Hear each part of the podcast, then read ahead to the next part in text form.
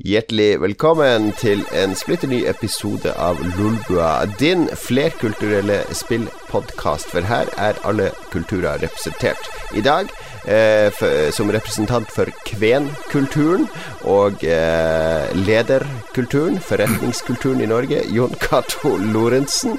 Velkommen skal jeg være. Som representant for uh, proletarkulturen og arbeiderbevegelsekulturen samt Bærums snobbekulturen, Lars Rikard Olsen, velkommen. Takk, takk. takk, takk Veldig fin intro. Og til slutt, som representant for våpenkulturen, prepperkulturen, dommedagskulturen og generell konspiratoriakultur, eh, Mats. Takk, takk. Hill Satan. Er du, jeg glemte en kultur der. En, du kan få velge en kultur til du kan representere, eh, Mats. Eh, milkshake- og kjøttkulturen. Ja, Anti-veganerkulturen. Anti ja. Mm. Og lampekulturen. Du har sånn kul lampe bak ja. Eh, det, ser jeg. Uh, Oslo Nei, hva heter den? Det er Oslo-lampa, ja. ja. Oslo-lampe. Oslo-lampekultur. Ja. Jeg har mye på gang her. Vi er eh, tre nordlendinger. Eh, kanskje den harde kjerne i Lolbua, fordi Mats er jo den som har vært med lengst av alle i vår utvida redaksjon. Mm. Eh, og for første gang i historien, det kan vi jo nevne før vi går gjennom hva vi har gjort i det siste, så har vi spilt inn en uh, Vi har jo en Patrion, og de som støtter oss med 10 dollar i måneden eller mer, de får tilgang til Roffelbua, en månedlig podkast der vi fjåser litt ekstra mye. Eh, og der hadde vi for første gang innspilling med alle seks i redaksjonen. Dvs. Si Christian, Dag Thomas og Ståle i tillegg til oss tre. Det var en ja. artig, artig, kveld. Ja, det var utrolig morsomt. Jeg tror det var beste roffelbua hittil. Um, ja. Var, jeg tror det var så bra fordi vi hadde så lave forventninger, og så bare overgikk det alt. ja, det ble meget bra. Så eh, alle patrions de kan glede seg til det. Nå er du ikke der, så uh, føl deg fri til å støtte oss hvis du har lyst til det. Uh, men tilbake til Lolbua. hva har skjedd siden sist, Mats? jeg har vært på jobb. Holdt ryggen på å eksplodere. redda du dagen? Jeg, gikk, jeg, jeg gått nattskift denne turen, så det var en ja. ganske, ganske standard tur. Hvor mange TV-serier ser du i løpet av eh, en tur ute på Nordsjøen, tror du? Um, ikke så mye denne gangen. Denne gangen var det litt uh, jobbing. Det var ikke så mye standby denne turen. jeg likte det var mye jobbing. det, det, altså det som bruker seg, er at i løpet av en tur så har man et par skift standby. Det varierer litt. I løpet av en standard tur så er det kanskje ett eller to skift standby til sammen, vil jeg si. Og da, da, er det jo fort gjort at det blir Netflix eller noe sånt. Yes, Hvorfor spurte du om det her, Lars? Det ja. Prøvde å finne noe interessant. Konklusjon, konklusjonen er vel at det ikke har skjedd, skjedd så mye.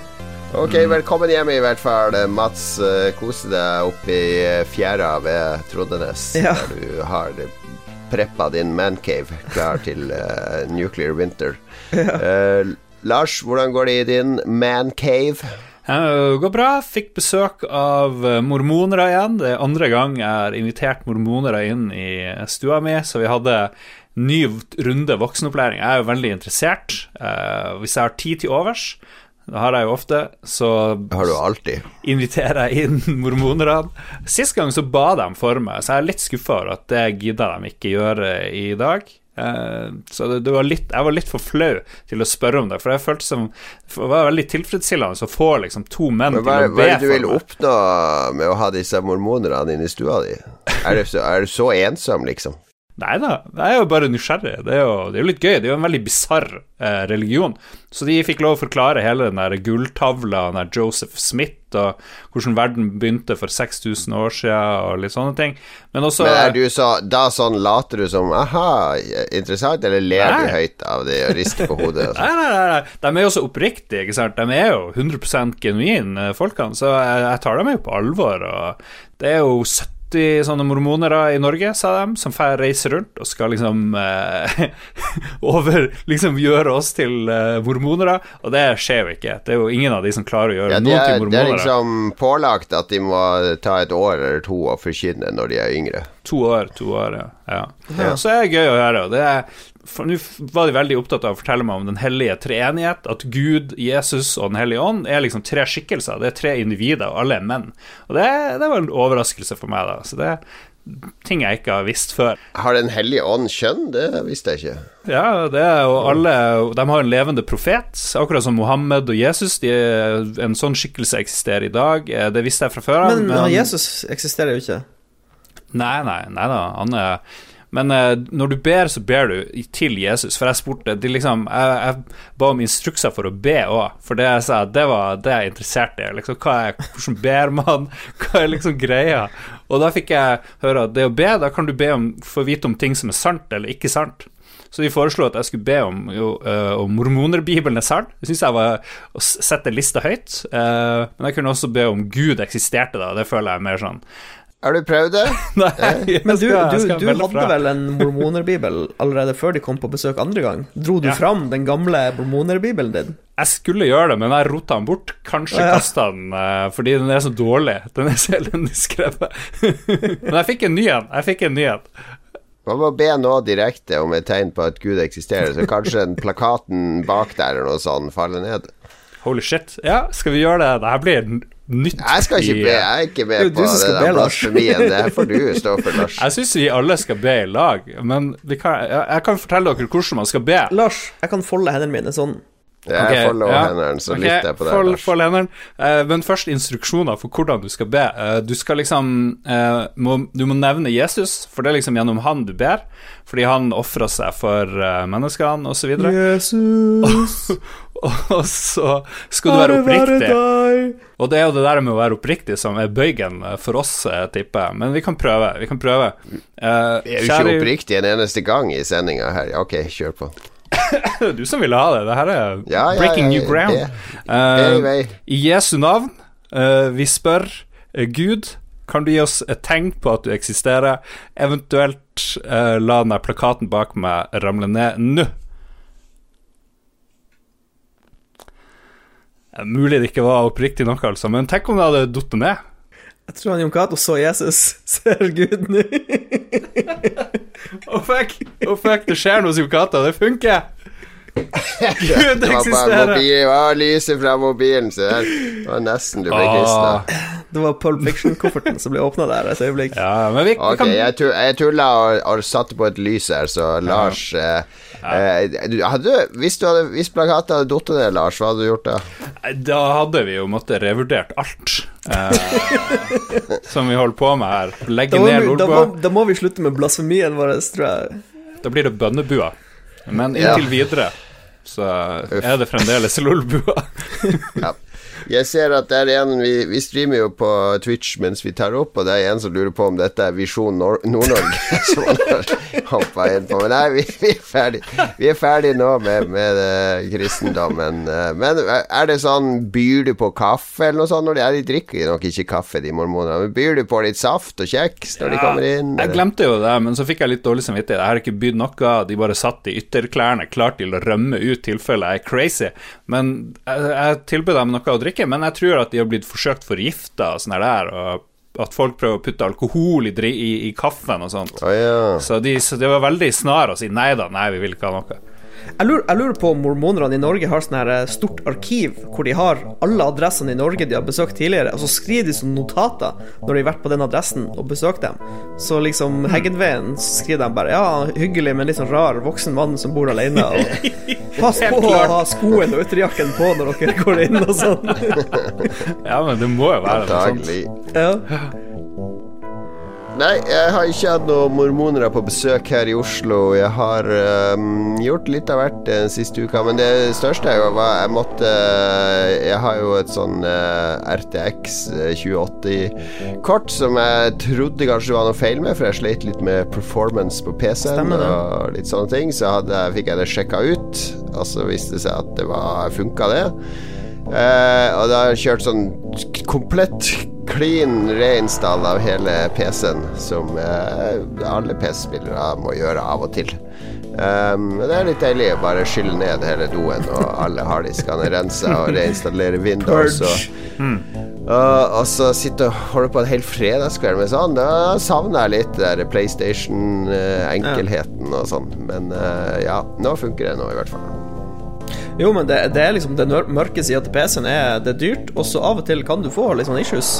Spesielt hvis det er ny hardware. Altså første Hvis du er first adopter av nye, kanskje en ny generasjon kort, så kan det skje litt sånn små smågreier.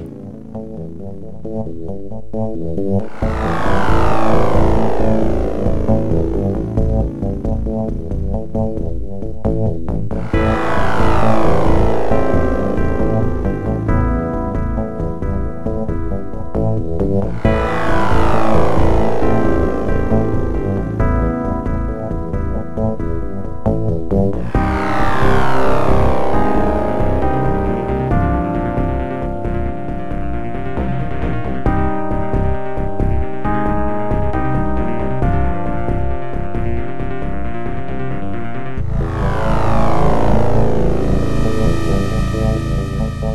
har vi spilt i det siste? Før vi begynner på den spalten, vi burde jo ha nevnt før musikken eh, og gratulert vårt redaksjonsmedlem Dag Thomas, som ble Ja. pappa nå eh, i, i helga som var. Eh, lang og artig fødsel, som det alltid er, så gratulerer så mye til Dag Thomas. Hva har vi spilt i det siste? Apex Legends eh, ble jo sniklansert mandag forrige uke etter at eh, det ble hinta om at det var et Battle Royale-spill på vei, satt til Titanfall-universet, som skulle bli gratis. Og folk bare Ok, ja, det er jo ikke det vi vil ha. Men så bare Ok, nå er det ute, vær så god og spill. Og så gikk alle fra å være sånn her Jeg vil ha Titanfall 3 til å bli sånn holy shit, dette er jo eh, mest mm. velproduserte strømlinjeforma, hektiske, artige eh, Battle Royale-spillet på lenge. Det er liksom høyt tempo. Det er eh, revolusjonert hvordan man kommuniserer med fremmede. Man trenger liksom ikke mikrofon for å kommunisere og samkjøre laget. Man kan drive og pinge ting i, på skjermen og items og requeste ting.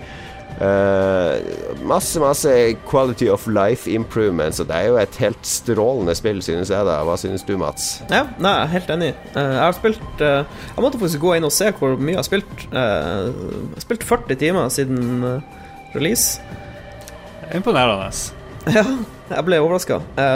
nei, jeg elsker det. Det er det er uten tvil det mest polerte Battle Royale-spillet på lenge. Og de har vært, yeah. de har vært sinnssykt smart i eh, at de har henta inn eh, mechanics fra andre spill. Eh, du har den derre Mm. banner-systemet hvor du kan hente banneren til en teamkamerat som er død, og så kan du respawne han. Det trodde jeg var helt nytt i Battle Royale, men det er visstnok noe fra Realm Royale som jeg ikke har spilt. Ja. Eh, og så har de eh, Itemsystemet ligner litt på Fortnite, med at du har eh, grader av utstyr som blir eh, fra hvitt til Mm. eh, legendary.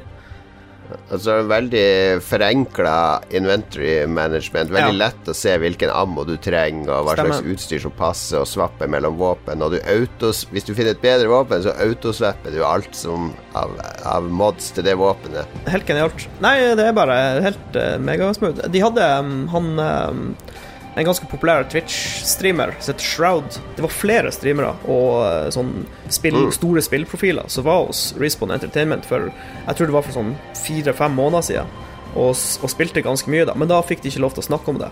Men da sa han jo at han hadde spilt et nytt Battle Royale-spill som kom til å rulle, og det virker som de har hørt De, har, de fikk jo feedback fra dem med sånn uh, Ja. altså så Respawn og Vince Sampella har jo strengt tatt aldri laga et dårlig spill. Hvis du ser på historien til Sampella og de studioene han har jobba i, så er det jo Modern Warfare 2 og, og ting i, i gamle dager. Men Titanfall-spillene er jo også veldig, veldig bra. Altså, de kan de skytespillmekanikkene, jeg vil påstå, bedre enn noen andre. Spesielt flerspiller-skytespillmekanikkene. Der, der er de bedre enn Bungie.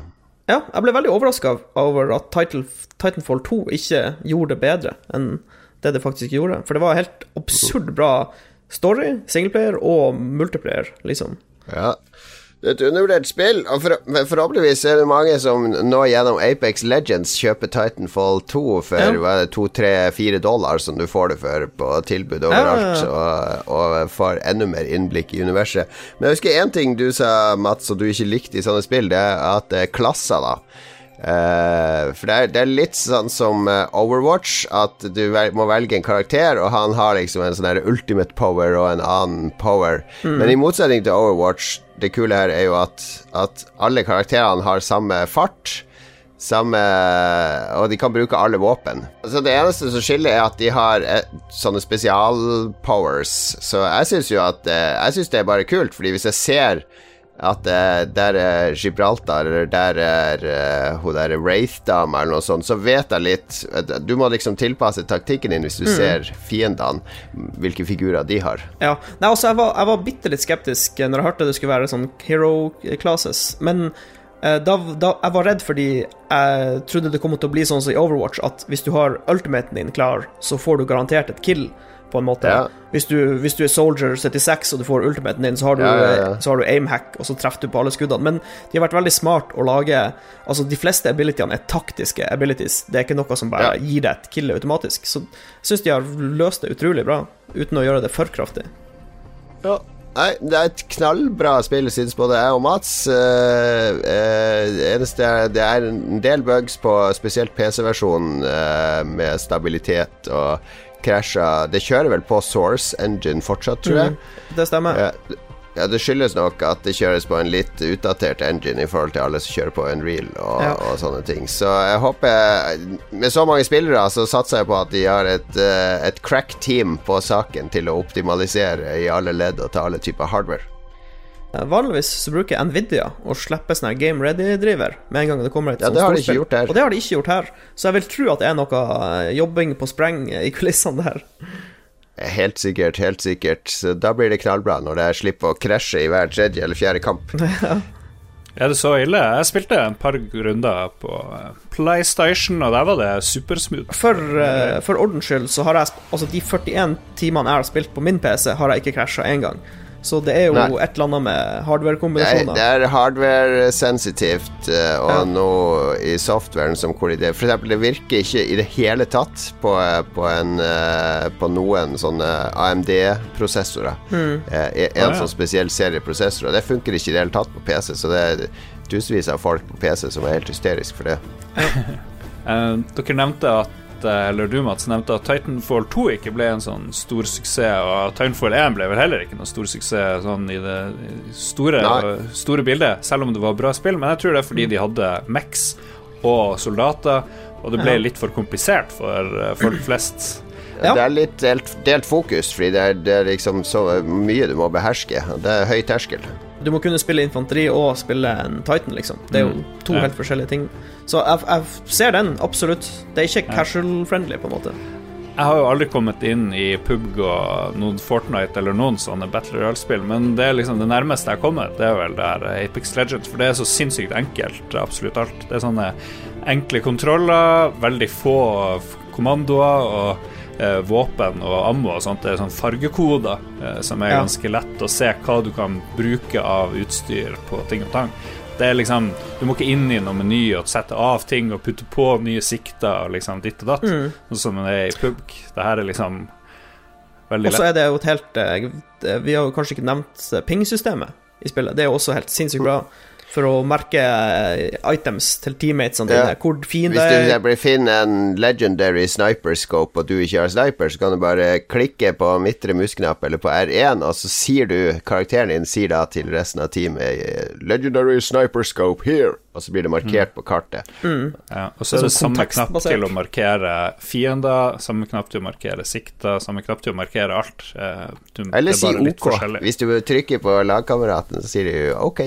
Ja, ja. ja, det er liksom, du kan, du kan seriøst spille det uten å bruke voice, og det er ganske imponerende i et Battle Royale-spill utviklinga så hadde de en måned der de ikke hadde lov å spille det med voice-kommunikasjon for å tune det pingsystemet, der alle de ansatte i Respawn satt og spilte det uten å kunne snakke med hverandre, helt til det var 100 mm. intuitivt. Ja, det, er, det er noen smarte folk som har jobba med det, kan vi trygt si. Absolutt. Noen ikke fullt så smarte folk som har jobba på noe, mener Lars, da, det er jo Ubisoft Massive og Division 2 som du har klaga litt over eh, denne uka. For det er en beta ute på eh, The Division 2. The Division 2 er en såkalt private beta. Jeg vet ikke hvorfor det er private, for hvis du har forhåndsbestilt og eh, ellers klarer å tigge deg til en kode, så kan jo alle være med. Men ja, ja, den er litt begrensa. Den er ikke åpen for alle. Jeg spilte noen timer, to-tre timer, på liksom begynnelsen av spillet, hvor du skal levele opp og, og springe rundt i Washington DC, som også har blitt ramma av et sånt virusutbrudd som skjedde i Division 1. Men ting virka veldig altfor likt, syns jeg, da. Eh, og det ga meg liksom ikke noe sånn Wow, shit, det her var kult-følelsen, som f.eks. Apex Legends gjør, som jo ser helt amazeballs ut. Det virka nesten som om det var en visuell nedgradering i Division 2 og skillsen var litt for lik og sånne ting. Så, men nå har jeg spilt gjennom hele begynnelsen av spillet. Jeg har fått tilgang på sånne endgame-greier. Det syns jeg er litt kult. Med en gang du, du leveler opp fra level 1 til 7, da kan du plutselig bli level 32, eller hva det nå er. Så får du tilgang mm. til alt mulig. Og da kan du spesialisere deg i en, en av tre ting. Da du kan bli demolitionist, eller du kan bli survivalist, eller uh, sharpshooter. Og um, da får du Hver klasse har et våpen som ingen andre har. Sharpshooteren har en sånn 50-kaliber. Nå snakker du om åssen betaen er, da, så ikke ja, ja. folk tror at uh, i spillet så går du fra level 7 til 32, liksom, når spillet kommer om noen uker. Nei da, jeg tipper de kommer til å forandre en del av det her er jo en, en, Men det er en ganske stor beta, det her, og ganske gjennomført, og ting funker bra. Og jeg har vel blitt kasta ut én gang, eller noe sånt. Uh, fikk eh, kode på PS4, og så fikk jeg også en kode på PC etter hvert, men det viser seg at du kan kun bruke eh, redeeme spillet én gang til én plattform. Du kunne liksom ikke ha både. så det var litt bittert. Jeg fikk ikke testa det til PC. Ja. Jeg, jeg spilte på PC bare et par timer, da. Uh, men jeg syns det ser smashing ut. Da kjørte jeg det jo på fullt ultra på alt og 1440P.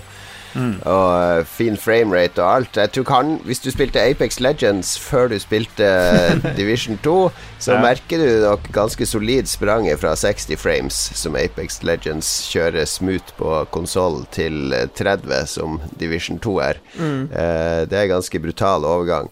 Uh, mm. Men jeg syns uh, jeg, jeg, spilte jo Jeg er veldig glad i Division 1, da, selv om jeg aldri spilte mye av endgamet. Jeg likte settinga veldig godt, men jeg kom jo inn i det tre uker etter alle andre hadde levela opp til 30 og slutta å spille det, for da var det ikke noe endgame i starten. Mm. Men det har de jo vært veldig flinke til å bygge på, så så lenge de har det i Division 2 òg, så gleder jeg meg veldig til å Mm. Presse meg gjennom og, og, komme meg til endgame. Og jeg tror Det virker som de vet hva de holder på med. Det er veldig likt Division 1, ja. da, men uh, det, det funka jo veldig bra Division 1 nå det siste året. Så ja. Nei, verden er litt rikere. Det, du har mye forskjellige mer typer mennesker og typer baser og mye mer ting å gjøre enn i Division 1. Så jeg tror hvis folk gir det en sjanse og ikke spilte så mye i Division 1, så ja, Den første basen du går til etter Det hvite hus, at den er oppå sånn tak takterrasse, mm. i stedet for i Division 1 der du alltid skulle ned disse trappene ned i undergrunnen og stå inne i disse oransje og brune rommene der de spiller radio, og det sitter en kar og griner i hjørnet. Ja, jo, det er sivilbefolkning her, det var det veldig lite av i det første spillet. Men uh, Endgame virka veldig kult, og det, det, var veldig gøy å springe fire folk jeg ikke kjente, og prøvde å samarbeide på et, et av de her siste missionene. Og nå når jeg har spilt så mye, så kjenner jeg ok, jeg er klar til å hive hive meg inn i The Division i the long run. Det var noe godt å høre. Jeg tenker det er sånn ping-systemet fra Apex Legends Jeg tenker mm. jeg savner det i Division 2 allerede, hvis jeg skal spille med randoms. Tror du ikke alle sånne type samarbeids uh, førstepersonsspill kommer til å kopiere det? Nettopp. Ja, ja veldig god idé Jeg tror det er en game changer. Jeg tror du kommer til å få det både i PubG og, og uh, andre sånne typer spill. Det er jo ikke veldig vanskelig å implementere heller. Nei, ja. Men nå har det gått ti minutter uten at vi har snakka om Gud. Er det ikke Yes, da tar vi en bønn. Uh, vi skal be litt mens uh, dere får høre denne salmen.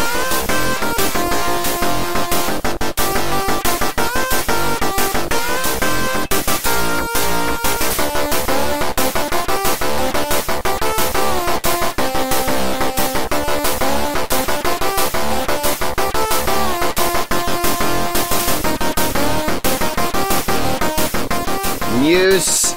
Det er på tide med nyheter igjen. Vi er jo eh, Vi prøvde oss Jeg prøvde meg jo nå i starten av januar med at vi skulle ha nyheter fra både film og litteratur og sånn, men det, det ble for mye arbeid.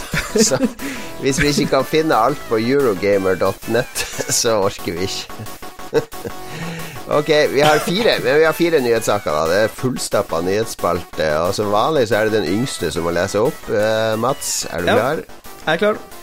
Vi starter med det vi snakka om eh, for ikke så lenge siden. Eh, 72 timer etter release så hadde 10 millioner spillere prøvd Apex Legends, det nye spillet til Respawn Entertainment. Eh, Det ble sluppet på mandag eh, 4. februar etter en veldig kort reveal-stream, og siden da har det bare dominert på Twitch-listen. Og ja, vært en eh, megahit, kan jeg vel si. Veldig hit. Absolutt. Mm. Balls to the walls tall å vise til det der. Eh, jeg skulle bare si uten å bruke én krone på markedsføring. Tenk hvor mye penger de har spart på markedsføring. Nei, Du, de har brukt millioner på fly og få Shroud og alle de her til å committe seg til å spille det.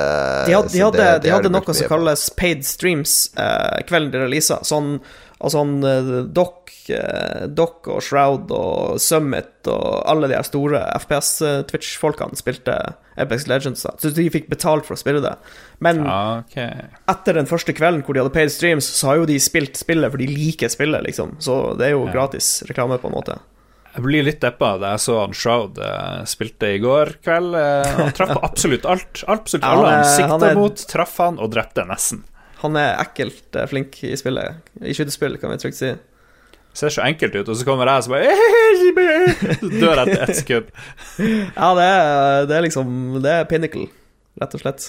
Han er eh, det, det er jo som å se på Usain Bolt løpe 100 meter, og så bare Å, det er sånn man skal gjøre det. og så gå ut og prøve å løpe 100 meter like fort sjøl. Det, det, er, eh, det er nivåforskjell der. Men det er veldig bra og veldig hyggelig også at konkurrentene har vært ute og gratulert på Twitter og sånn. Det virker som alle, alle heier på Apex Legends, selv om Ja, du ja lager det, er sånn, det er sånn hyggelig stemning, rett og slett. Det er det. Jeg tror alle likte taktikken med å sniklansere. Det var utrolig gøy å bare få en sånn overraskelse plutselig å laste ned og spille. Ja, ja jeg er stor fan av den strategien. Håper det blir mer vanlig etter hvert. Mm. Ja, eh, vi fortsetter til Nintendo-verden. Eh, Nikkei via Nintendo Soup, eh, som tidligere har vært eh, flink å avsløre andre konsoller, som f.eks. Nintendo DSi og 3DS, eh, 3DS XL, hevder at eh, en Nintendo Switch Mini kan forventes å komme ut i midten av 2019.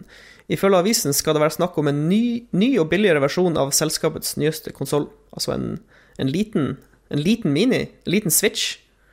Jeg vil jo tro det blir en ren bærbar switch, der liksom de håndkontrollerne er integrert i hardwaren, altså ikke avtagbare. Altså, har du ikke den dokkingmuligheten i det hele tatt? Nei, noe av det geniale med Switch er at du kan ta de kontrollerne eller bytte de ut, eller En grunn til at det er genialt, er at jeg har f.eks. en som er defekt, og i stedet for at jeg må sende inn hele konsollen og få reparert Ja, sånn, ja. den ødelagte den, de knappene som ikke funker, så jeg bare bytter den ut med en annen kontroll, som du bare i Switch. er ikke det inn litt dumt å bytte ut det, da? Og bytte bort det modulære systemet? Jo, men hvis de får prisen ned med 100 dollar, altså, og, ja. og, og en ren håndholdt, det er liksom for ungene. Eh, Switch er en litt litt dyr konsoll. I hvert fall hvis du skal Jeg har jo en syvåring som driver og spiller på Switch hele tida, og tar den med til naboen og sånn. Jeg er jo litt nervøs når han går ut med Switchen eh, under armen bort til naboen. Hadde jo Det er vært siste gang du ser den, liksom. Jeg hadde vært mer komfortabel om han hadde hatt en ren bærbar en som var litt mer robust, kanskje. Men jeg tror ikke de blir å kalle den Nintendo Switch Mini, for det navnet brukes jo på liksom gamle, nedstrippa utgaver av gamle konsoller. Jeg tror ikke de gidder å liksom blande det med en, en Nintendo Switch. Og så håper jeg ikke de blir å krympe kontrollene, i hvert fall, fordi de er jo små nok. De er jo for små egentlig allerede for mine fingre, syns jeg. Ja. Kanskje de kaller det for en Nintendo Switch. De bare tar bort i-en, sånn at det blir mindre, liksom. Ja, nettopp. Genialt. Eh, vi, eh, vi moser videre i nyhetsspalten vår. Um, Hundrevis skal visstnok få sparken i Activision Blizzard denne uka, i forbindelse med et årsmøte i selskapet. Stjernereporter og forfatter Jason Schreier i Kotaku har hørt disse ryktene lenge. Visstnok kommer det til å gå utover store deler av support-teamet og markedsføringsteamet til Destiny, nå som de ikke har dette spillet lenger. Samt tilsvarende teams i Blizzard, der markedsføring og andre tjenester som ikke har direkte, noe direkte med utviklinga å gjøre, skal fusjoneres med Activisions egne ansatte. Mm. Jeg leste litt om det her nå i helga, fordi eh, sånn som Activision Blizzard fungerer, så er de liksom to separate entiteter, så det er veldig lite crossover i hva de gjør for hverandre. Men nå blør de litt penger, altså de tapte mye på Destiny. Call of Duty solgte veldig bra i fjor, men det er ikke blitt det de hadde håpa på, det heller. Og så Blizzard underlevere. De måtte jo stenge Heroes of the Storm. Mm. Eh, fikk de beskjed om å kansellere nå, og, eller bestemte de sjøl å kansellere. Diablo Immortal fikk ikke den mottakelsen det hadde hatt. De lager for lite nye spill. Overwatch i 2016 er det siste nye spillet de lagde. Så jeg tror noen har uh, Ryktene sier i hvert fall at de, skal, de, må tjene penger i alle ledd. Og Blizzard hadde et sånn spareår i fjor der de måtte kutte ned på ganske mye. Så det, de fortsetter nok å måtte spare. Ja, ja og de, um, det er jo to ting uh, med Vi kan først ta Call of Duty. Uh, Call of Duty har jo historisk sett hatt ganske dårlig release. En ganske dårlig support etter release. Altså, de slipper et Call of Duty-spill, og så er det litt sånn uh, season pass-greier i starten, med kart og sånn, og så bare dør det helt ut. Og det, det, ser veldig ut som det samme skjer med Blackout nå. Uh, det har vært skikkelig ja. tørke på innhold. I hvert fall nå etter Apex Legends, så tenker Nettopp. jeg at Blackout uh, lever med kniv på strupen. Ja, de har et kjempeproblem. Og Blizzard, liksom Overwatch har også fått mye sånn kritikk i det siste om at det er en sånn negativ trend på hvor morsomt det er å spille Overwatch. Mange sånne store streamere som spilte mm. det før, har slutta å spille det, for de syns ikke det er artig lenger. Så det er liksom Ja, det er en litt sånn men, uh, kjip, men, hallo, trend. At det er gøy å spille et spill i tre-fire år, det er jo ikke så veldig rart at folk blir litt lei, tenker jeg. Det er jo, jo Nei, men det, det er jo derfor man må, må jevnlig gi ut nye spill og oppfølgere og andre ting, og der er Blizzard ganske dårlig, ikke sant? Mm. De, har, eh, de hadde Heroes of the Storm, og de hadde Heartstone, som har vært en ganske stor suksess. Uh, ellers er det jo bare Diablo, som kommer også altfor sjeldent. Uh, ja.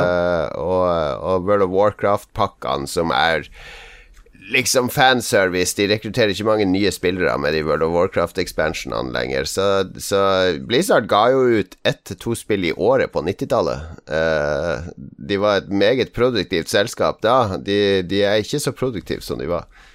Nei, altså Hvis du ser på før Overwatch kom, så holdt de jo på kjempelenge på et spill som bare ble kalt Prosjekt Titan, så aldri ble noe av. De kenna det jo, og bare brukte noen assets mm. for å lage Overwatch. Jeg må, jeg må være Magnus Tellefsen her, siden han ikke er med, den store Blizzard-fan her. Jeg mener, Hvordan andre selskap gir konsekvent ut like gode spill som Blizzard? Eh, og nekter å gi ut drit. Det er jo veldig få mm. selskap som eh, Det blir jo nevnt Respawn at de gir kun ut bra ting.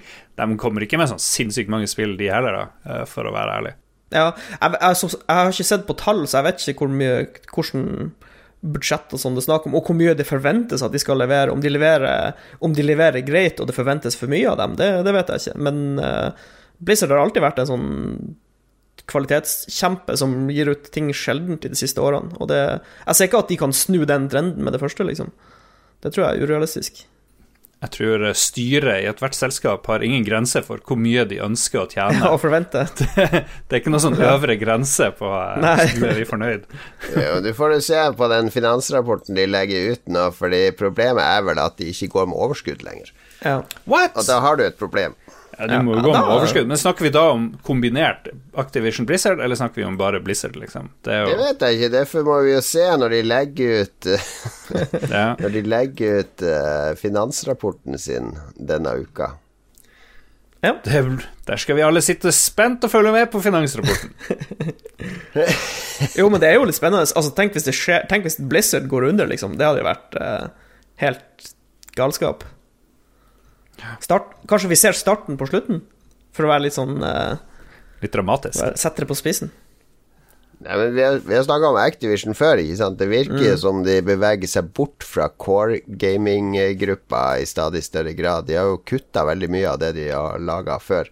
Ja, men hvordan, de, kan ikke, de, kan jo ikke, kvitte seg med Blizzard. Mange studioer. På, eller de kan jo gjøre det, men det blir en veldig, veldig smertefull prosess, tror jeg. Blir nok det. Ja, vi fortsetter med siste nyhet. Pressfire.no har fått 150 000 i støtte fra Fritt Ord for den gode journalistiske innsatsen de gjør. Lolbuas søknad tente de fyr på og skylte ned i do mens de lo seg fra sans og samling etter at Fritt Ord-sjefen hadde hatt høytlesning fra søknaden før jul. Ja, Vi, eh, jeg vet Level Up eh, søkte, de fikk ikke noe. Vi har ikke søkt, men det burde vi jo nesten gjort. Hva er nå, Dere må, dere må lære meg det. Fritt Ord er en organisasjon som støtter eh, hva skal vi si, den gode samfunnsdebatten og eh, innspill som eh, bidrar til at samfunnet blir klokere. Eh, så du kan få støtte til å skrive en bok om et tema. Veldig ofte er det prosjektstøtte. At du har en bok du har lyst til å skrive, og så er ikke forlaget helt troa på den, og så søker du fritt ordstøtte, og så kan du få realisert den. Okay. Men du kan også få støtte til dokumentarfilm eller til eh, events, eh, sånn debatt, paneldebatter eller en konferanse, og som Pressfire har jo fått nå, til å drive journalistisk virksomhet. Ja, nei, vi, får, Så- vi får sende av gårde noen søknader. Vi skal faen meg søke. Det, jeg føler at det å være litt edgy, det, da får du søknad, og det, det, det er jo oss. Altså, Vi snakker om mormoner som ringer på døra, og at vi har vondt i skuldra. Altså, Hvor mer samfunnsrelatert enn det kommer du? Vi har, vi har de viktigste sakene. Ja, men jeg, jeg skjønner for så vidt at Pressfire fikk. eh, For de, de er veldig flinke til å dekke eh, norsk spillpolitikk og sånne ting. De har gode saker der de liksom snakker med kulturministeren og med, med forvaltningsapparat og med utviklere som ingen andre spillmedier har. Eh, Level Up har hatt en del med indiespill i Norge før, men de er ikke så Jeg syns Pressfire har vært skarpere de siste årene på å ta, ta det på alvor. Og det er jo en dekning som f.eks. mangler i Aftenposten og VG og Dagbladet, så, så jeg syns Pressfire gjør en veldig viktig jobb der, da. Selv om jeg kanskje er inhabil, siden jeg er en del av bransjen der. Yeah, yeah. Nei, men vi søker neste år. Da får vi støtte tre millioner til eh, Gamergate. Vi skal få Gamergate opp og gå igjen. For lite fra dem. På tide å finne ut hva de styrer på med. Ja, det går som en varm kniv i smør, det her, eller en varm isskje i en boks med tress. Og eh, Lars, la oss si at du får en boks med tress. Hvilken farge er den første du tar i tressboksen når du skal forsyne deg? Det er ikke en hvite, for den er boring as fuck. Vanilje, drit i det. Det er ikke en brune, fordi det ser ut som bæsj. Da blir det den grønne. Uh, eller er det noe rødt? Grønne! grønne. har grønn, er det i Nord-Norge grønn farge i tress? Det er jo rosa. er rosa. kanskje Noe rosa. var grønt en gang. Ja, det er rosa. Ja. Pistasjeis er grønt, ja. Ja. Nei, Tress er brun, hvit og rosa. Ja. Er det et flagg? Er det noen nasjon som har sånn flagg? Eh, Nei, det er ikke nasjonen Tress som du Mm. spiser flagget til. Det er ikke det. Ok, du går for den rosa først, eh, Ja, Mats. Jeg, jeg, jeg elsker vaniljeis. Altså, jeg Ja. syns det er helt konge, så jeg tar, jeg tar lett vanilje. Ja, det er smart. Mm. Jeg, jeg tar også vaniljen først. En god, en god eh, isskje med vanilje. Og så tar jeg en god isskje med, med sjokoladesmaken, den liker jeg veldig godt. Og så tar jeg bare bitte litt rosa, bare for at det ikke skal se ut som, eh, som Bare for at rosa ikke skal føle seg utelatt, Fordi den, den syns jeg er den ekleste smaken. Vi skal anbefale, i tillegg til tressis, eh, som jeg tror vi alle tre kan anbefale hvis du er glad i is, eh, så har vi personlige anbefalinger hver uke i Lolbua. Der anbefaler vi et eller annet som du kan bruke litt tid på, eller litt penger på, og og så vil du få en god opplevelse tilbake, et bedre liv, bli et lykkeligere menneske, kanskje har du eh, suicidale tanker, så da vil forsvinne, fordi åh, dette, dette gjorde livet verdt å leve. Godt oppsummert, eh, Jon Cato. On the spot. Mats han har, han har kost seg med Netflix-dokumentar i det siste. Ja, eh, denne så jeg faktisk mens jeg var på jobb eh, og gikk nattskift. Eh, For hvis vi har snakka litt om den på ei sånn chatgruppe vi har, eh, for det var mange som hadde sett den. Eh, Det er da ingenting annet enn Fire The Greatest Party That Never Happened. En eh, Og det her staver vi Fire med Y, altså Selvfølgelig. fire. Det er så edgy så du kan skrive Fire. Ja, ja, ja. Eh, En dokumentar på Netflix som handler om eh, en sånn luksusmusikkfestival som bare gikk helt ad undas. Eh, Det var en kis het Billy McFarland som starta opp Det er sånn der eh, entreprenør, eh, gründertryne, som er veldig Ja. flink til å selge inn ideer, men kanskje ikke like flink til å gjennomføre de. Yes. Han hadde noe, han hadde noe samarbeid med han Ja Rule. De hadde Jeg, jeg flirer bare jeg tenker på det, det er så bra. Eh, de tok, de, eh, det starta litt med at de, eh, de hadde en idé til en sånn tjeneste hvor du kunne leie inn sånn celebre folk. Ja, en bookingtjeneste som for artister. Stemmer det. Den kalte de bare for Fire. Og de hadde den godt på gang. De hadde et eget team som driver utvikla en app, og de hadde masse greier på gang. Så fikk de en idé om at hei, hva hvis vi lager en festival for å liksom få oppmerksomhet rundt appen vår? Og da ble ideen til den her luksusfestivalen født. Så fant de ut de skulle ha det på, i Karibien, på ei sånn øy. all these models like in the Bahamas. the most insane festival the world has ever seen. Island getaway turned disaster. it became very barbaric. Right now, you're the fucking laughing stock of everything. Just wait until you see what you're getting yourselves into. American rapper Ja Rule is in the Bahamas with his business partner. Billy McFarland. is an amazing entrepreneur. He can convince anyone of pretty much anything. They just bought an island, Pablo Escobar's island. Oh my gosh. We're gonna throw a festival, yeah. Within 48 hours, They sold out. Altså, de bruker altfor mye penger, det er dårlig planlegging, de vet egentlig ikke hva de holder på med, og det bare blir, det blir verre og verre og verre til du ikke tror det kan bli verre, og så blir det jo enda litt verre. Det er liksom bare i tog, skikkelig togkrasj. Absolutt. Det er, det er ganske herlig. Det er morsomt. Men han er ene i dokumentaren Han har jo blitt kjendis fordi han var klar til å suge kuken til en fyr i Evian, eh, den drikkevannsleverandøren. Nei, han, han ville suge Eller han ville utføre oralsex på uh, tollsjefen i Bahamas det. for å Ja, få stemmer fridd dette vannet som sto fast i tollene. Det var, jeg, så en ting, som- jeg så en ting som var litt eh, Som varma hjertet mitt litt etter den her eh, Etter dokumentaren og etter Fire Festival. Eh, For det var jo sånne her cateringdamer som bodde på den øya, som måtte, Mm. måtte ta og legge ut masse penger fra egen lomme for å betale folk som hadde jobba der.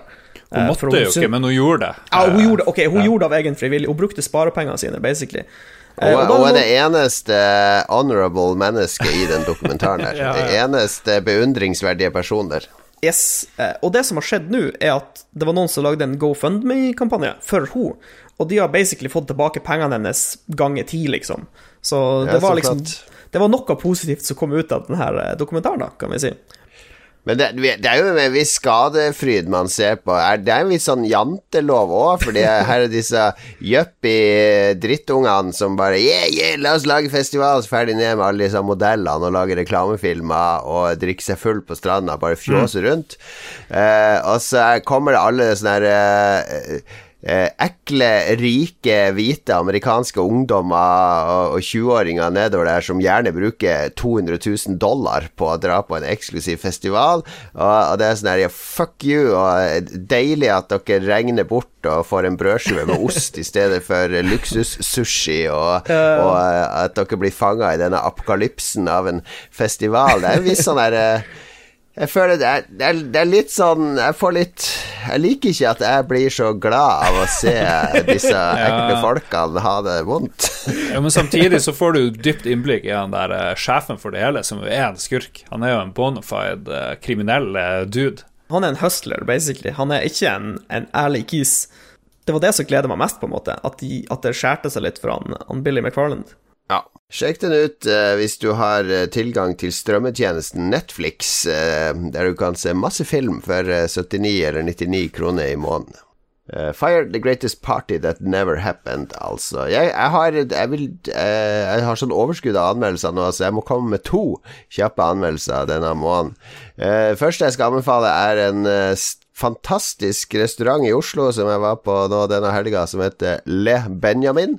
Den ligger nederst på Grünerløkka. Eh, blir det veldig provinsielt der, men det er jo det er større sjanse for at noen av lytterne våre går på restaurant i Oslo enn i Harstad, Lars, vil jeg påstå. Eh, Whatever, dude. Whatever. Eh, Le Benjamin det er sånn fransk restaurant, og da blir jeg litt sånn skeptisk, fordi det ofte sånn fransk mat De skal eh, De skal dandere ting på sånne rare måter som gjør at øh, kan, du, kan du ikke bare servert meg den, denne litt normalt, i stedet for å gjøre så mye ut av det. Men akkurat Lebé, Det her var utrolig god entrecôte. Jeg spiste litt sånn lammekaré og en slags sånn pizza til forrett øh, med noe bacongreier på, som var helt Det er noe av det beste jeg har spist i mitt liv. Eh, så mine, mine fordommer ble gjort til skamme. Le Benjamin i Oslo eh, er vel verdt et besøk å kjøre en treretters middag der. Det første jeg spiste, var uh, tarte flambé à notre façon lard fumé pimé ved gruyère. Det er en tart Tarte flambé det er en slags pai, men en terte, tror jeg. Men den her hadde så tynn Veldig tynn bunn, så det ble mer en pizza enn en terte. ikke sant? Og så var det med bacon, grønn chili og gruyère, hva nå det er for noe. Det var Ja. min forrett. Og den var Jeg kunne godt spist en tre ganger mer av den der til hovedrett. Det, det er utrolig godt. Og så spiste jeg til hovedrett uh, Hadde cardagneux grill, haricot blanc, et jus moutarde. Som er grilla lammekaré med hvite bønner, timian og sennepsky. Den var smashing. Men jeg så de andre som hadde entrecôte. Uh, den så også sinnssykt god ut. Vi må, vi må beklage til Frankrike for uttalen her, føler jeg. Vår venn Magnus Tellefsen var jo også der, og han spiste eh, faktisk piggvar til, eh, til hovedrett. Spenstig. Pannestekt piggvar med jordskokk, blomkål og bruna smør. Han var også, og han er jo sånn gourmet, og han var også meget fornøyd med maten. Så, så det, veldig, veldig varm anbefaling av Le Benjamin hvis du vil Mm. For eksempel på date eller en romantisk aften med din, eh, din utvalgte, eh, så eh, kan jeg Mm. Hva det koster cirka, vet vi det? Ja, hvis du kjører litt vin og øl, så blir det fort en 700 per pers. Det er ikke så mye. Det er jo ikke Nei da, det går, det går for en, en kveld av og til. Eh, og så Det andre kjappe anbefalinga, det har kanskje dere anbefalt før, men det er jo Jeg, storkoser meg med Jack Black sin YouTube-kanal, Jablinski Games, Yes! som er det beste spill-YouTube-kanalen noensinne. Spesielt koser jeg meg når han har med sønnen sin i Arkadehallen og sånn, og det er sønnen som, som bare å, Slutt nå, pappa.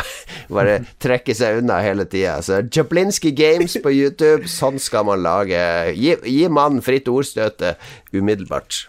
Lars, din anbefaling? Ja, jeg og Mats og uh, Charter og søskenbarnet mitt var på kino på fredag, og vi så Battle Angel Alita fra han der eh, Rodriguez. Roberto Rodriguez har uh, regissert. Egentlig skulle vel han James Cameron regissere, men han har Stemmer bestemt fått slag og fant ut at han skulle lage fire sånne jævla eh, avatarfilmer. Herregud. Em, filmen er han Christoph Waltz, han her uh, fyren til han Tarantino er med. Hvor Jennifer Connolly er med, og så lurer jeg på om der Rosa Salazar spiller rollen som hun er eh, Battle Angel Alita, som jo egentlig er en datagrafikkskikkelse, da. Og det, funker veldig bra. Det er vel egentlig en eh, anime-manga-ting.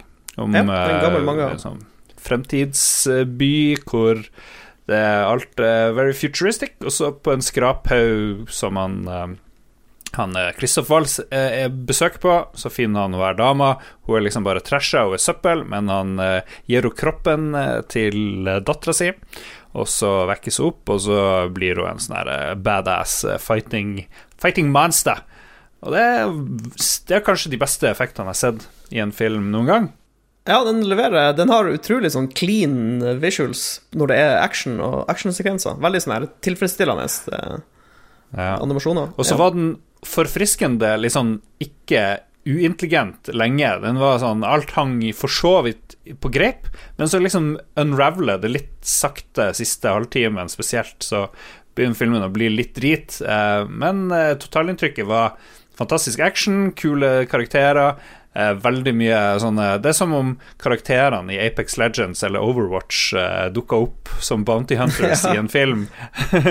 veldig mye kule sånne kule typer. Så jeg anbefaler jo folk å gå og se den, bruke noen penger, for, eh, for jeg har lyst på oppfølger eh, til den filmen. For den legger veldig opp til en oppfølger. Um, men så er vel publikums eh, tilbakemeldingene i USA så dårlige at de tror det blir en flopp. Den koster sånn ca. 200 millioner dollar. Og det er litt mye. Det er den dyreste filmen han Robert Rodriguez har lagd. Ja, og James Cameron hadde jo egentlig lyst til å lage den på sånn tidlig midten av 2000-tallet, tror jeg, men han, han, det var samme som Avatar. Han måtte vente på Tekken, liksom. Ja, han han har hatt rettighetene lenge, tror jeg. Mm. Ja. Så, Men jeg ser hun eh, Det er jo Cameron som har skrevet manus sammen med ei som heter Laeta Kalogridis, og så ser jeg på eh, hva hun har skrevet annet enn det her, og det er jo Terminator Genesis, og altså var jo creator av Altered Carbon, som er en kul bok, men TV-serien funka ikke så bra. White House Down er hun produsent for. Jeg ikke akkurat, eh, jeg, er ikke akkurat Jeg er veldig opptatt av hvem som står Mm. bak filmer, fordi det er noen som har stemmer og stories og sånne ting som appellerer mer enn andre. Storyen er ikke det sterkeste, og det som gir den litt, det som gir den litt bein, er jo det som er fra mangaen. Altså backstoryen Ja. til Oalita og sånne ting. Så ja. Det er jo det som gjør at den funker for meg, i hvert fall. Ok, ja, men den opplevelsen er bra, selv om den kanskje svikter her og der. Ja, men vi hadde kanskje ingen av oss noen store forventninger, så det er vel litt sånn Det spiller, spiller kanskje også inn. Føles det litt trist at fire-fem sånne single menn i rundt 40 eh, går på kino for å se manga? Nei. Det er jo, eh, det er jo en, en vakker ting.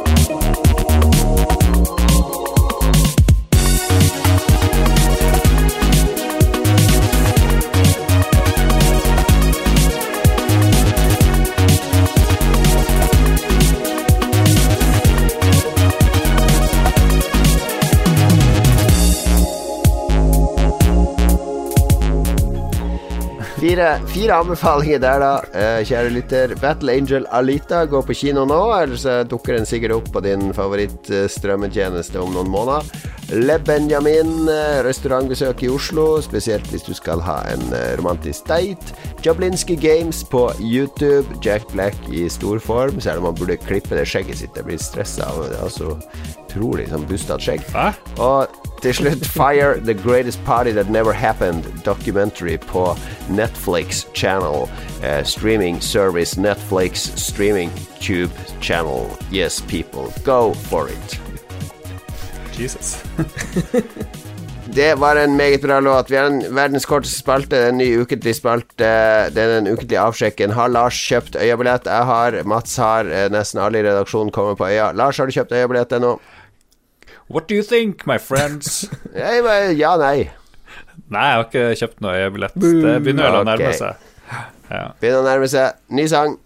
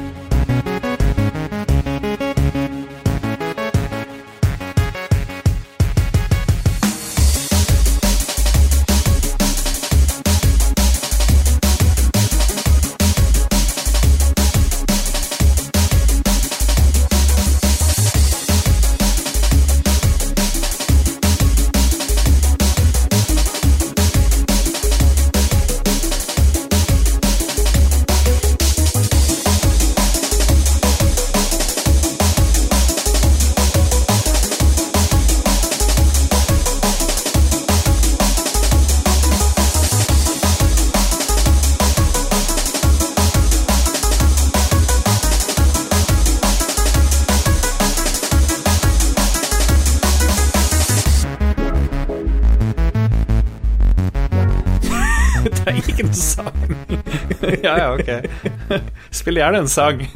Vi skal kjøre den hver uke fremover. Da er vi kommet til slutten. Det er da jeg kan slå av hjernen og ørene, og dere kan uh, lese opp alle lytterbidragene. Neida. Vi har mange hyggelige lyttere. Uh, vi har også tre produsenter, Lars, uh, og en av de ser nå på live Ja. på streamen. Hallo, TTMXMP. We love you. Ja, ja, ja. Takk, takk til våre produsenter for at de støtter oss på Patrion. jeg tror også det er et par patrions som har sendt inn bidrag til lytterspalten, Lars.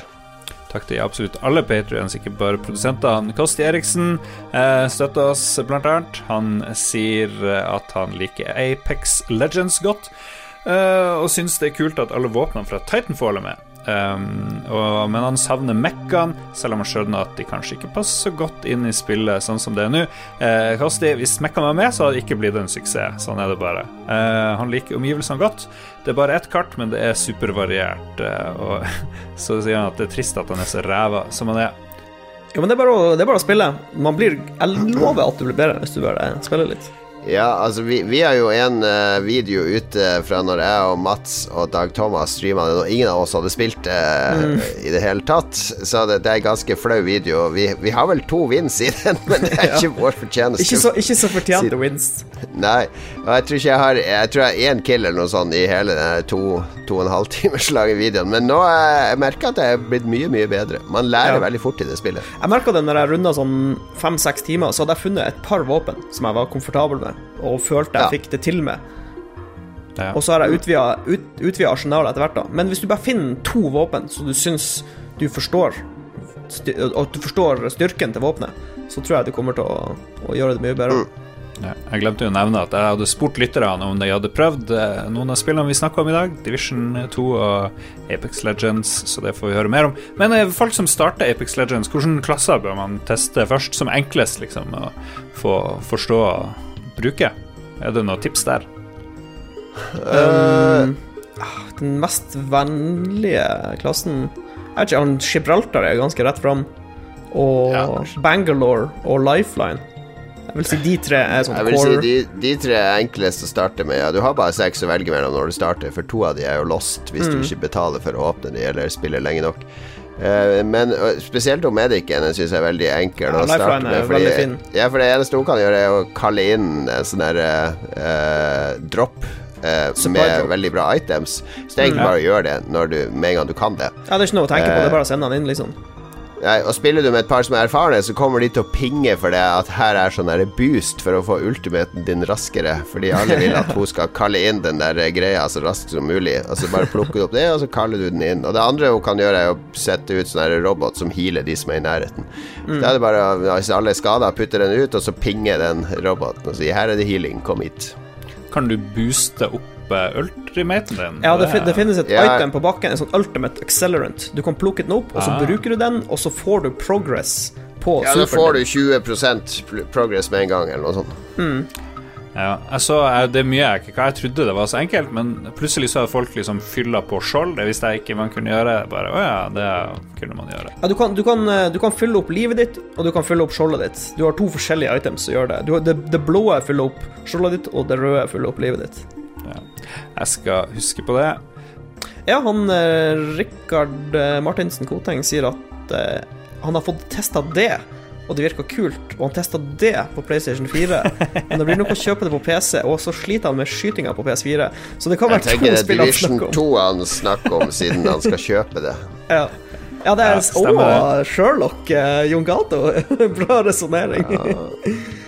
Jeg vet ikke om jeg vil foretrekke PS4 eller PC, men hvis dere skal få det på PC, så kan det jo hende jeg må hoppe over dit. Det var liksom ingen som var med på, på betaen eh, på PS4 denne gangen. Det var litt overraska over. Du har jo de der bitre, bitre Harstad-vennene våre, eh, Lars, som du kan prøve å overtale, men de hater jo alle spill, så det ja. ja. That's true. Og så følger han Magnus Eide Sandstad opp om vi skal spille kjøpe Division 2 på eh, Epic eller Uplay, og det har ikke jeg tenkt på. Er det noe Er det forskjell tenker, på Nei, jeg tror du må spille det Du må logge inn på Uplay uansett om du har kjøpt det på Epic jeg, eller jeg, ikke. Jeg tipper det samme. Altså Hvis du kjøper Ubisoft-spill på Steam, så må du uansett launche de gjennom Uplay. Så jeg vil tro det ah. samme gjelder på Epic Store. Så jeg tror ikke det har så mye å si, i bunn og grunn. Mm. Ok, han Kristoffer uh, Get the Boys ja. Hansen Leistad sier at han er en av de, kanskje den eneste i verden, som ikke spiller flermodusspill i spill. Som gjør at mm. Anthem, Apex Legends, Destiny og Division til spill som det ikke er vits for han å tenke på. Og, men han er derimot glad i enspillerdelen, og enkle indies på to til ti timer er rett opp hans bakgate. Hvor er dekninga av disse spillene blitt av? Med unntak av Frida i Level Up, som dekker fem spill på ett år, så finner han ikke noe god dekning på disse. Så Mm. ja, kanskje vi må bli litt sånn indie-champions. Ja, er vi, har vi blitt dårlige på det? Jeg føler eh, Du er jo en indikar, eh, Mats, og det er jo en Cato. Vi er jo alle det av og til. Vi, vi har jo snakka om noen, altså Dead Cells og sånn, men det er jo kanskje litt sånn indiespill som blir sånn hits. Kanskje ikke de Ja. Og vi har snakka om Return of Opera Din, har vi jo snakka om. Vi kunne sikkert snakka om flere, men det er uh, ja. jeg spiller ikke så mye forskjellig lenger som jeg gjorde før. For meg spill Før kunne jeg jo spille i arbeidstida og sånne tider, ikke sant? for jeg skulle ha oversikt over alt og anmelde alt. Nå er det bare ren avkobling. Så Men eh, vi, Mm. vi tar det til etterretning. Er Et ønske som vi ønsker å gjøre noe med. Ja. Og så kom det innspill her i chatten. Tarmslyngfisk han ser på streamen og sier det er kjekt å høre oss skravle. Kommer Apex Twins til Switch? Det, det vil jeg tro. Nesten garantert. Jeg tror de er veldig opptatt av å holde det på 60 frames i sekundet. Det er jo Sampella og Respawn har alltid vært sånn De har aldri vært ned på 30 frames. Modern Warfare 2, grunnen til at det var så jævla bra på konsoll, var at det kjørte så mye mer smooth enn alle andre skytespill, fordi de Mm. gjorde alt for å få den frameraten oppe. Og det er vanskelig på Switch. Eh, Det er Ja. veldig utfordrende å få til 60 frames på Switch. De må sikkert lage noen sånn superlight-versjon, da, med nesten veldig nedgradert grafikk, vil jeg tro. Ja, de må nok det, men jeg vil jo tro at suksessen nå gjør at det er noe de jobber mot Ja. å få til. Eh, Jeg tror det kommer jævlig mye spill nå neste uke. Kan det stemme? Eh. Anthem kommer i hvert fall. Vi kan jo se hva som kommer nå, altså om vi skal spille det eller ikke. Uh, hvor er det vi ser det igjen? Crackdown 3 kommer 15.2. Jeg er på Games Radar. Far Cry New Ja. Dawn 15.2. Metro Ja. Exodus 15.2. Så det, Ja, kommer tre. Metro kommer jo nå neste uke. Det, det skal Mm. du boikotte, Mats? Nei, jeg skal ikke boikotte det, eh, for jeg syns Altså, jeg unner Epic eh, all suksess med sin, eh, med sin nye store. Skal du spille Metro, Lars?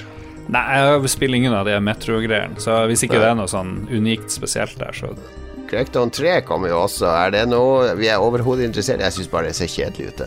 I don't know. Ingen hype for Crackdown 3, faktisk. Nei, jeg, jeg, jeg føler det ikke i det hele tatt. Anthem må vi vel teste. Kommer vel til å teste alle mann.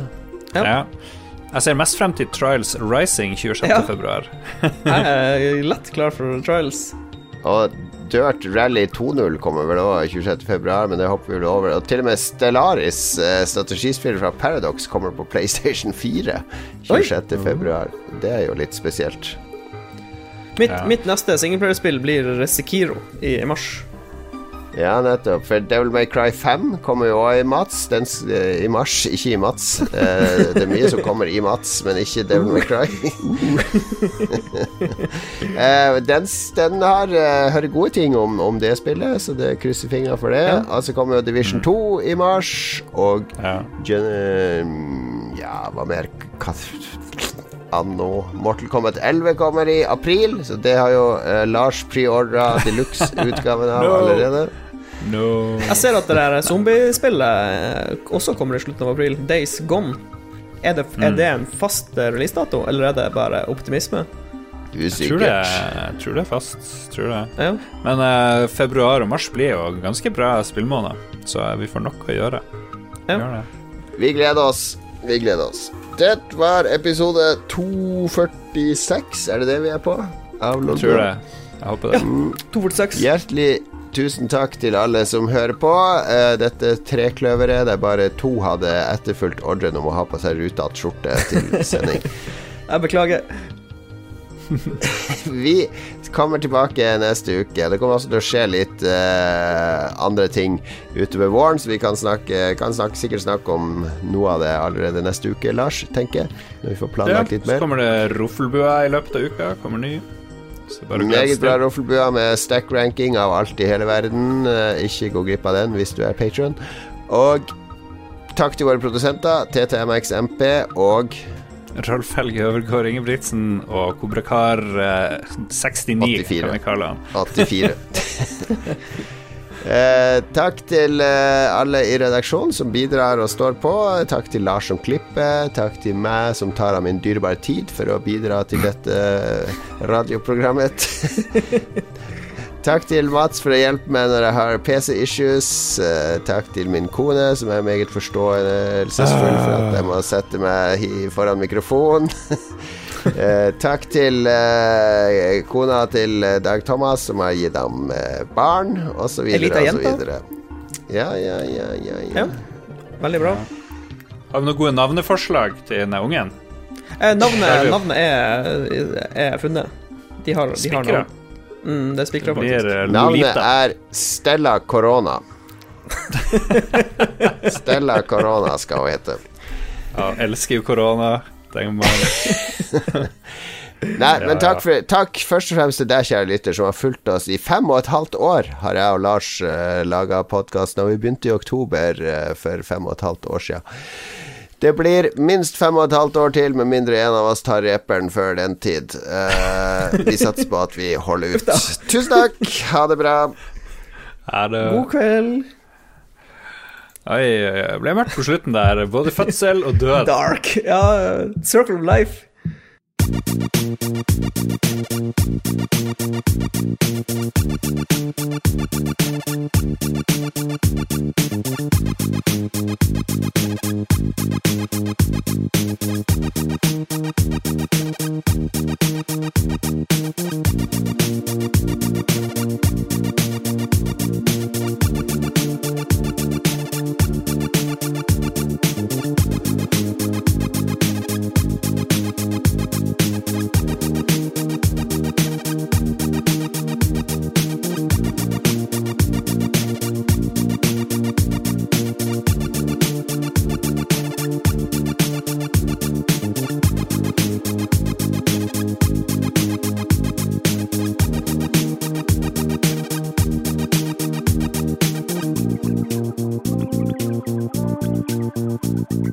Música